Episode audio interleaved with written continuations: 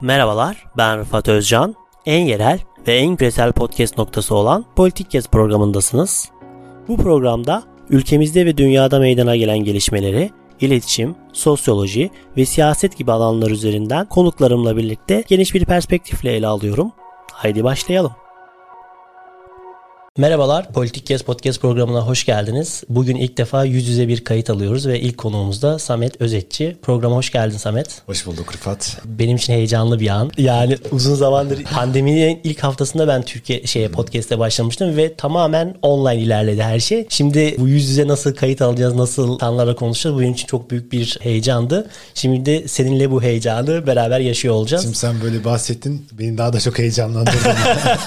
yok yok bence şey gayet güzel stabil tamam. bir program olacak. Çıtayı çok yüksek bir yere koydun yani. Aynen. E, bir evet. önce seni tanıyalım isterim. Tamam. Yani hemen başlıyoruz o zaman. Tabii tabii hemen Harika. başlıyoruz. Abi öncelikle şeyden de bahsedeyim. Unuttum onu. Bugün ne konuşacağımızdan da ben bahsedeyim. Konuş. Bugün seninle büyük veri ve veri görselleştirmeyi konuşacağız ve bununla da hem yani pazarlama yönünü hem de siyasal iletişim siyasal yönünü iletişim. konuşuyor Harika. olacağız. Seni tanıyarak programa başlayabiliriz. Samet Özeci kimdir gibi bir soruyla e, başlıyoruz anladığım kadarıyla. Samet Özeci şu an hali hazırda e, iletişim sektöründe çalışan, ajansı olan, büyük global markalara hizmet veren bir kişi diyebilirim. Şu an yaptığım işle ve bugün buraya beni çağırmanı gerektirecek konu başlığıyla aslında öyle girdim. İstanbul Siyasal Bilgiler Fakültesi mezunuyum. İstanbul Hukuk Fakültesi'nde yan dal yaptım. Akabinde Galatasaray Üniversitesi'nde master'a başladım. İletişim alanında. Stratejik iletişim yönetimi. Sonrasında Google'la devam eden bir sürecim oldu. Google haritalarda ürün uzmanı olarak hizmet vermeye başladım. Sonra global ajanslarda, PR ajanslarında çalıştım ve Şubat ayı itibariyle kendi ajansımı kurdum. Şu an 11 arkadaşımla beraber, ekip arkadaşımla beraber e, global markalara hizmet veriyoruz. Bugün büyük veriyi konuşacağız anladığım kadarıyla. Bu büyük veriyi de biz global markalarımızla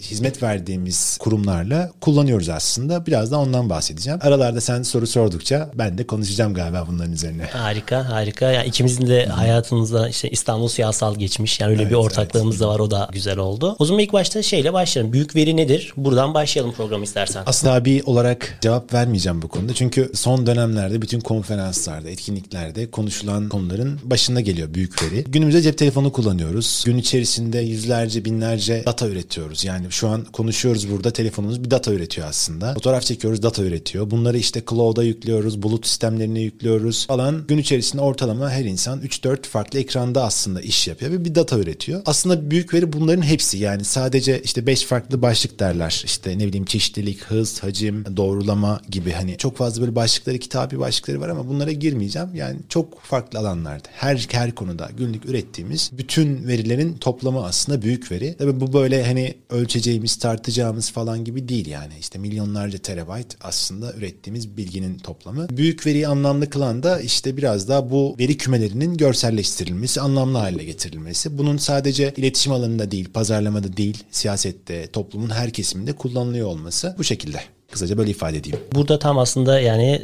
senin işine daha yakın olacak evet. şekilde pazarlamacılar bunu nasıl kullanıyor? Bunu konuşalım isterim bir de. Yani siz kendi işinizde bu büyük veriyi nasıl kullanıyorsunuz? Nasıl efektif hale getiriyorsunuz bu olayı? Aslında Rıfat şöyle başlayabiliriz yani özellikle mesela işte Amerika'da, Anglo-Sakson ülkelerde, kapitalizmin çok böyle geliştiği ülkelerde, İngiltere, Amerika özelinde düşünebilirsin. Genelde özel sektör her zaman kamu sektöründe beraberine getirmiştir. Yani bireyler bir şey yapmıştır, kurumlar o bireyleri takip etmiştir. Bizim gibi ülkelerde biraz daha bu böyle değil. Daha çok batıdan gelme şeyler aslında. Yaptığımız, kullandığımız tool'lar, araçlar her şey. Markalar bunu nasıl kullanıyor? Yani bunu şunun için ifade ettim. Yani birazdan da sanırım siyasal iletişime kayacağız. Yani yine aslında markaların kullanması, özel sektör domine ettiği bir kamu sektörü var. E, teknoloji sonuçta biraz daha bireylerin, daha bireysel müteşebbislerin yapmış olduğu girişimlerle aslında bunların sonuçlarını biz elde ediyoruz, ele al- alabiliyoruz. Dolayısıyla markalar tarafı önemli. Yani bu pazarlamada, reklamcılıkta nasıl kullanılıyor sorusu önemli bir soru. Çünkü buna göre dediğim gibi hani kamu sektörü de pozisyon alıyor. Şimdi şöyle, özellikle pazarlamada mesela e, yani iletişim dediğimiz zaman çok farklı alanlar var. PR bunlardan bir tanesi, halkla ilişkiler. Bunlardan bir diğeri reklamcılık, bir diğeri işte pazarlama,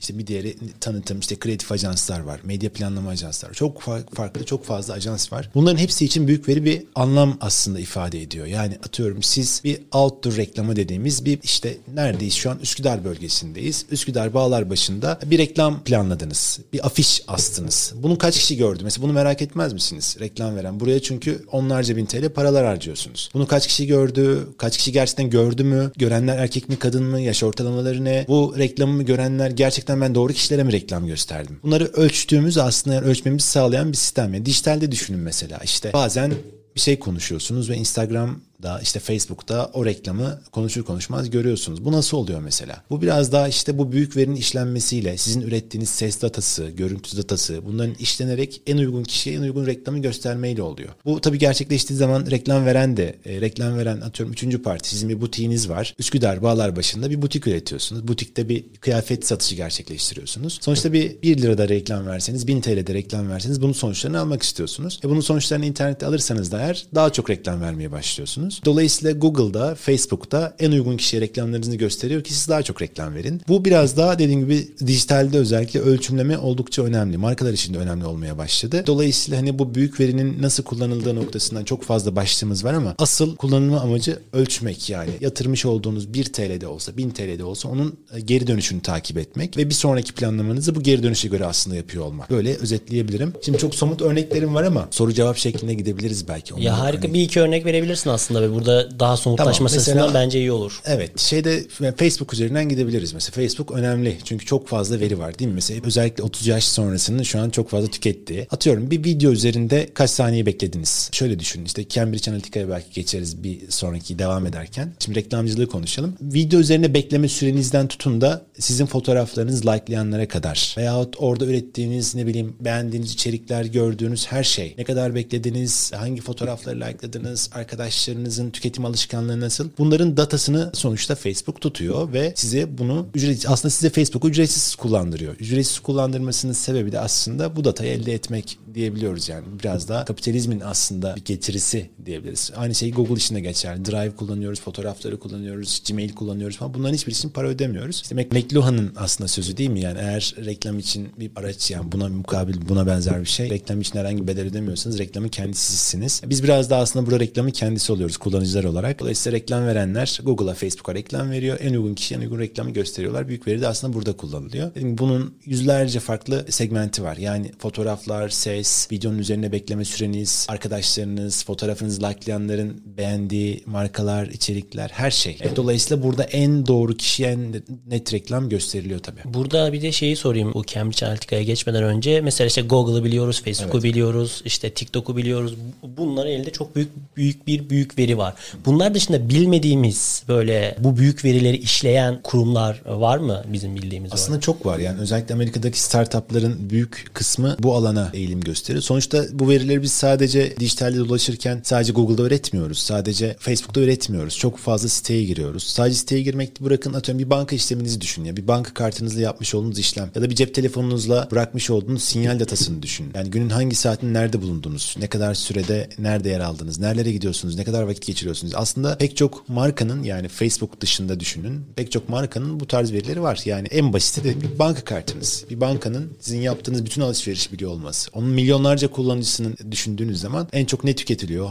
Hangi tarihlerde tüketiliyor? Bunları ne zaman kampanya göstereyim? Yahut e, bazen oluyor değil mi? İşte kendi kredili hesabımızdan 100 lira kredili hesapta avans hesaptan para kullanıyorsunuz ve ertesi gün hemen banka arıyor diyor ki işte eğer kredi ihtiyacınız varsa falan gibi. Bunlar dediğim gibi bütün markalar tarafından kullanılıyor. Sadece Google, Facebook gibi düşünmeyin. Yani her yerde veri üretiyoruz. Kullandığımız bütün elektronik cihazlarda. Harika. Hatta yani atıyorum Mango gibi e, yerlerde şey atıyorum içeri girince Bu arada sponsorlu bir... değil galiba değil mi? evet sponsorlu değil. Yani mesela işte öyle değil. Çeşitli giyim evet. markaları ya da herhangi bir yer Aha. içeri girdiğinde e, sana SMS atıyor da çıkarken SMS atıyor evet, evet. gibi gibi böyle Tabii, şeyler evet. de vardı. Onlar da benim de başıma gelmişti ve bu evet, e, evet. bilerek yapılan bir şey olduğunu önce de ilginç gelmişti bana. Buradan siyasete geçelim istiyorum. Tamam. Yani özellikle tabii ki biz Cambridge Analytica skandalını biliyoruz 2016'dan beri. Facebook üzerinden yapılan bir hedefleme sistemi geliştirilmişti ve İngiltere merkezliydi yanlış hatırlamıyorsam Cambridge Analytica. Burada yani hem büyük veri siyasette nasıl kullanılır hem de Cambridge Analytica özelinde nasıl kullanıldı aslında ve ya bu somut olarak bunu gör yani biraz Amerikan seçimleri falan tabii çok bayatlayan bir konu oldu ama üzerine de çok konuşuldu. İşte diziler çekildi, belgeseller çekildi. Bunların hepsinin ortak özelliği şu aslında. Yani belgesellerin falan tabii daha çok kişiye ulaştırma adına bir biraz böyle şey yapıldığını düşünüyorum. Yani manipüle edildiğini düşünüyorum. Yani çok böyle işte bizi dinleyen, izleyen siyahi, karanlık bir göz var ve işte o bizi yönetiyor, bizi dinliyor falan. Aslında böyle bir şey değil biraz daha. Çünkü o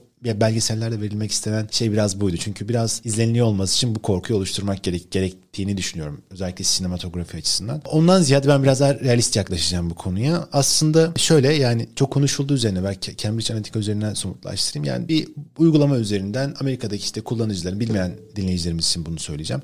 Ee, Amerika'daki kullanıcıların işte hangi partiye oy verme eğilimine göre yani siyasi eğilimini aslında tahmin edip ona uygun reklam gösterir. Yani reklam hedeflemesi yapılıyor aslında işte 50'nin üzerine reklam farklı 50 farklı eyalette farklı farklı reklamlar gösteriliyor. Biraz daha bu reklam hedeflemesiyle alakalı kullanılan bir büyük veri aslında orada var. Atıyorum size uygun işte Türkiye için düşünebilir miyiz bilmiyorum. Çok şey olur mu? İşte milliyetçi muhafazakar bir kesim, işte milliyetçi seküler bir kesim, işte muhafazakar seküler olur mu bilmiyorum ama oksimoron diyebilir miyiz? O biraz böyle şey olabilir.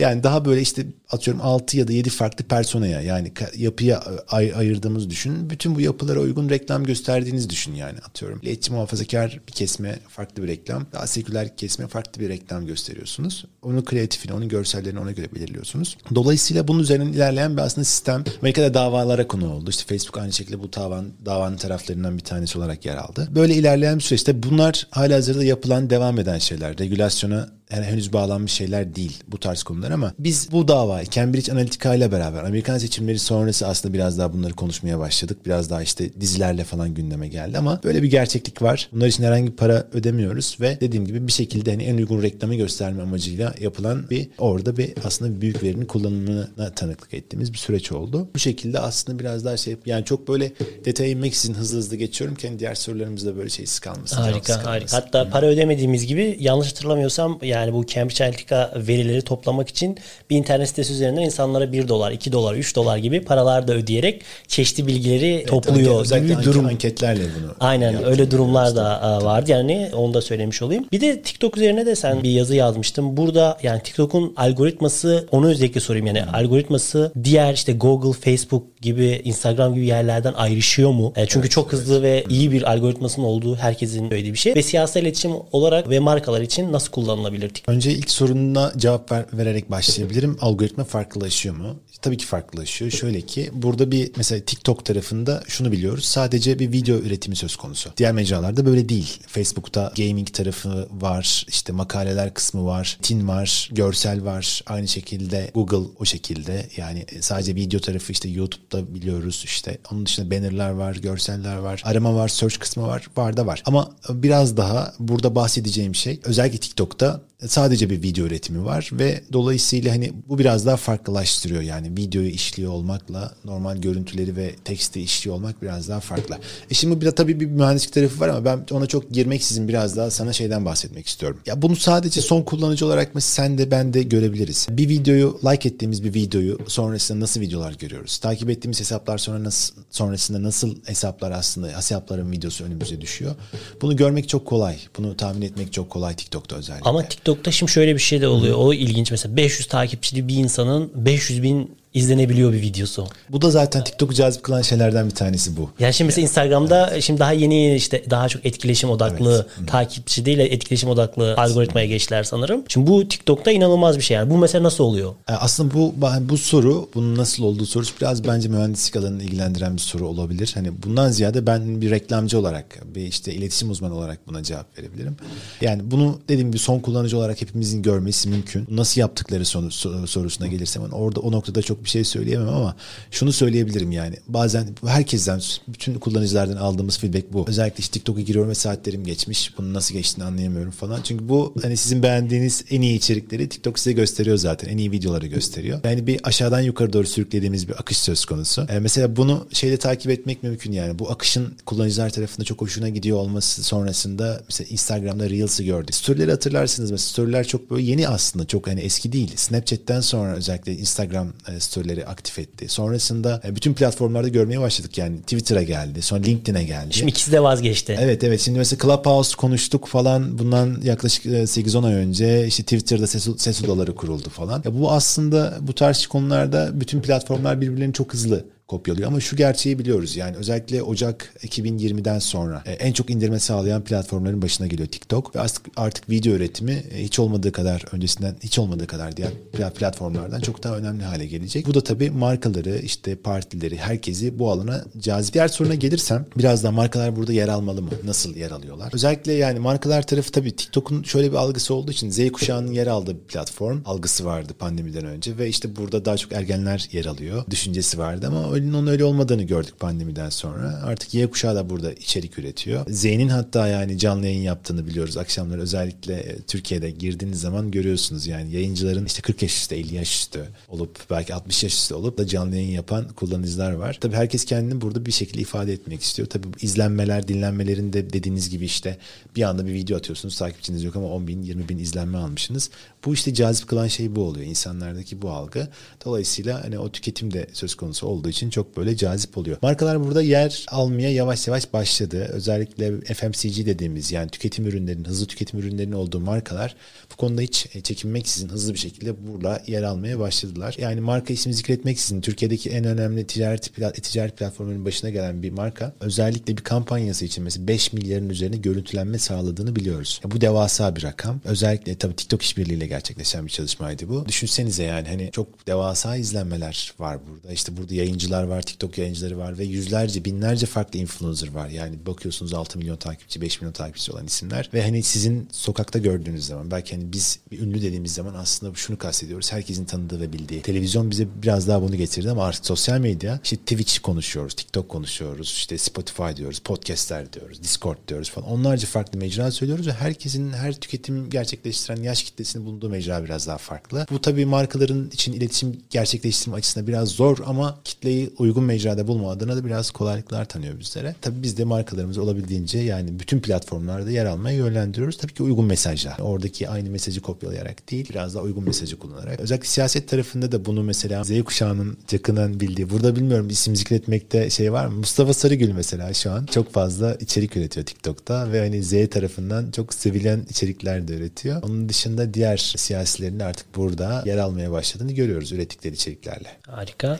Ya aslında büyük veri nasıl efektif kullanılabilir daha da? Onu o, o soruyu da sormak istiyorum ama öncesinde bir de yani Türkiye'de ve Avrupa'da olan bir kişisel verileri koruma kanunu var. Yani evet, biz aslında evet. Amerika'daki olduğu kadar reklam tarafında sen buna çok daha haizsindir. Evet. Reklam hedeflemesi yapamıyoruz aslında. Veri toplayamıyoruz evet. değil mi? Bunu bir karşılaştırmasını yapabilir misin bize? Ya özellikle mesela bunu Facebook tarafında görüyoruz. Yani Facebook tarafında mesela bazı data setlerinde bu verileri burada kullanamıyoruz. Çünkü hani bu aslında çok kullanamıyor olmamızın sebebi ya burada bir regülasyon olması alakalı değil. O verileri burada Facebook'un toplamamış olması. Tabi burada bir regülasyon olmaması daha rahat hareket etme imkanı sağlıyor bu tarz böyle global Facebook gibi işte Google gibi markalara. Tabii son dönemde özellikle bir, birkaç senedir hani bazı işte YouTube, e, Twitter işte burada temsilci bulundurma zorunluluğu gibi bazı yeni gelişmeler yaşandı. Bunları gerçekleştirmeyeceklerse eğer işte para cezaları, para yaptırımları getirildi. Bununla beraber artık yavaş yavaş bunun da değişeceğini düşünüyoruz. Yani dünyanın dört bir tarafında Avrupa'da mesela devam eden özellikle KVKK kapsamında davalar söz konusu. Yavaş yavaş değişeceğini düşünüyoruz ama bu galiba bize biraz daha uzun yıllar bekleyecek gibi duruyor özellikle. Yani bu noktada da özellikle hani bir Türkiye bir pazar sonuçta kapitalizm açısından büyük pazarlardan bir tanesi. Yine büyük global markaların çok fazla yatırım yaptığını da bu noktada biliyoruz. Özellikle Türkiye'ye. Çünkü dediğim gibi nüfus fazla, satın alma şeyi çok fazla satın alma eğilimleri çok fazla kullanıcıların. Dolayısıyla bu önem taşıyor. KVKK kapsamında da çok aslında böyle hani yapılmış kapsamlı bir çalışma söz konusu değil hala hazırda. Bu da ilerleyen günlerde yakın gelecekte olacağını düşünmüyoruz Türkiye için. Kaç senede neler değişir onu da hep beraber göreceğiz aslında. Harika. E, son sorumda Hı-hı. şey olsun yani bu büyük veriyi konuştuk. Yani hem siyasiler açısından hem de markalar Hı-hı. açısından biraz yer yer değindin evet, aslında. Evet. Daha nasıl efektif kullanılabilir? Yani ni, büyük veri niçin önemli böyle büyük markalar Hı-hı. ve siyasi siyasiler için bunu nasıl kullanabilirler? Bunu sadece reklam açısından düşünmeyin. Özellikle politika geliştirirken, özellikle şehircilik açısından oldukça önemli. Ya düşünsenize mesela en basiti belki işte bir trafik lambasının planlanması yani Şimdi nüfusyon, sözünü kesiyorum. Ki. Ben bir de Açık Veri Derneği diye bir dernek var. Onun üyelerinden biriyim evet. ben de. Mesela Açık Veri Derneği şöyle, Tuzla Belediyesi ile şöyle bir İstanbul Kalkınma Ajansı ile evet. beraber şöyle bir proje geliştirdiler. Aynı biraz önce dediğin gibi yani bu verileri toplayıp Tuzla'da da kullanacaklar bunu. Mesela otobüs duraklarının saatlerini, kırmızı evet, ışıkların ışıkları. düzenlenmesi gibi gibi olabildiğince ve bunu hem İstanbul Büyükşehir Belediyesi ile yapmak istiyorlar. Evet. Balıkesir Belediyesi ile yapmak istiyorlar ve sonra işte dijital dönüşüm ofisiyle de beraber çalışıyor. Bunu Türkiye'ye biz yayabilir miyiz diye. Yani kamuda bu verileri açık bir şekilde evet. paylaşabilirler mi diye. Burada da böyle aklıma geldi. Onu da söylemiş Tabii olayım. Yani bu yani her sektörde önem taşıyor aslında. Yani sadece mesela bahsettiğin gibi işte onun dışında bir belediyecilik hizmeti, bir çöp toplama çöp toplama hizmetini düşün mesela. İşte çöplerdeki yoğunluğun yoğunluğa göre mesela sizin toplama kamyonlarınızı gönderdiğinizi düşün. Yani onlarca farklı aslında alan var. Tabii biz bunun en çok kullanımını en büyük sektörlerden bir tanesi. Onu reklamcılıkta görüyoruz aslında ama dedim bir şehircilik açısından çok fazla önem taşıyor. Yani ulaşım planlamasından altyapıya kadar çok fazla kullanım alanları var. Bununla alakalı dediğim gibi hani çok fazla böyle bu tarz dernek vakıf var. Biraz daha galiba bu noktada hani belediyecilik açısından, kamu politikaları üretme açısından özellikle mesela uzak doğu bu noktada önem taşıyor. Özellikle işte Japonya, Japonya'daki kullanım, Çin'deki bu tarz büyük verinin kullanımları bizim gibi özellikle işte belediyecilik kapsamında falan pek çok yere örnek teşkil ediyor. Biraz daha bunları takip etmek önem kazanacak anladığım kadarıyla. Dediğim gibi yine bu şekilde kısaca bahsedebilirim. Harika. Bir de aslında yine son bir soru dedim ama bir soru daha sorayım. Özellikle tamam. yine reklamcılıkta bu verileri toplamakta ya da verileri kullanmakta hangi araçları kullanıyorsunuz? Mesela belli araçlarınız var mı? Ya aslında bir, biz bu veriyi tüketiyoruz. Bu veriyi aslında biz toplamıyoruz. Yani işte büyük markalar bu veriyi topluyor ve işte bizim gibi reklamcılara bunu görselleştirerek satıyor aslında. Öyle düşünebilirsin. Dolayısıyla hani burada hani çok fazla yani her kurumun kendi içerisinde zaten bir verisi var. Bunu konuştuk işte bankacılık gibi, e, lojistik gibi yani aklına ne gelir ulaşım gibi yani sadece düşünsene mesela İstanbul'da İETT'nin sadece o elektronik kartlar üzerinden kimin ne kadar hangi saatte nereden geçtiğini biliyor olması verisi. İşte milyonlarca insan var düşün. Ona göre bir ulaşım planı gerçekleştiriyor olmasını düşün. Her kurumun kendi verisi var. Reklamcılıkta da bizler ağırlıklı olarak işte Google'ın, işte Facebook'un ya da işte üçüncü parti veri satan yani özellikle reklam tarafında hedef kitle görselleştirmesi yapan yerlerde çok fazla kullanılıyor. Mesela son dönemler zamanlardaki popüler şeylerden bir tanesi Instagram sosyal medya YouTube hesaplarının verilerini yani Instagram işte bir kişi diyelim işte 300 bin takipçisi var. Bu takipçilerin yüzde kaçı fake, yüzde like'ların yüzde kaçı fake. Yani artık böyle bir dünyaya girdik ki binlerce influencer var. işte binlerce takipçisi olan insanlar var. Bunlar gerçek mi değil mi bunları öğrenmek istiyor markalar. Bunların kontrol edilmesi. Sizi takip eden kullanıcıların hangi markaları tükettiği, hangi şehirlerde yer aldığı. Bu tarz veriler artık yavaş yavaş kullanılmaya başlandı. Dediğim gibi bunda işte büyük veriyi görselleştirerek yapılıyor ve markalar da bunu talep ediyor. Gerek bu tarz influencerların işte yüksek takipçisi olan kişilerin hesaplarını kontrol etme adına gerekse de rakiplerini aslında takip etme adına bu yine önem taşıyor. Yani bu dijital tarafta da çok fazla yani dijital taraftayken web platformlarında da çok kullanılan bir yöntem. Bizler de bunu benzer şekilde markalara pazarlama için kullanıyor oluyoruz. Harika. Ee, Samet çok teşekkür ederim verdiğin bilgiler için. Ben teşekkür ederim. Çok, çok sağ olasın. Politik Kes Podcast programını dinlediniz. Bugün Samet Özetçi ile büyük veri veri görselleştirme üzerine konuştuk. Bizi dinlediğiniz için teşekkürler. Kulağınız bizde olsun. En yerel ve en küresel podcast programı Politik Kesti dinlediniz. Bizi Spotify, Apple, Google Podcast üzerinden ve sosyal medya hesaplarımızdan takip etmeyi unutmayın. Yeni başlıklar ve konuklar için kulağınız bizde olsun.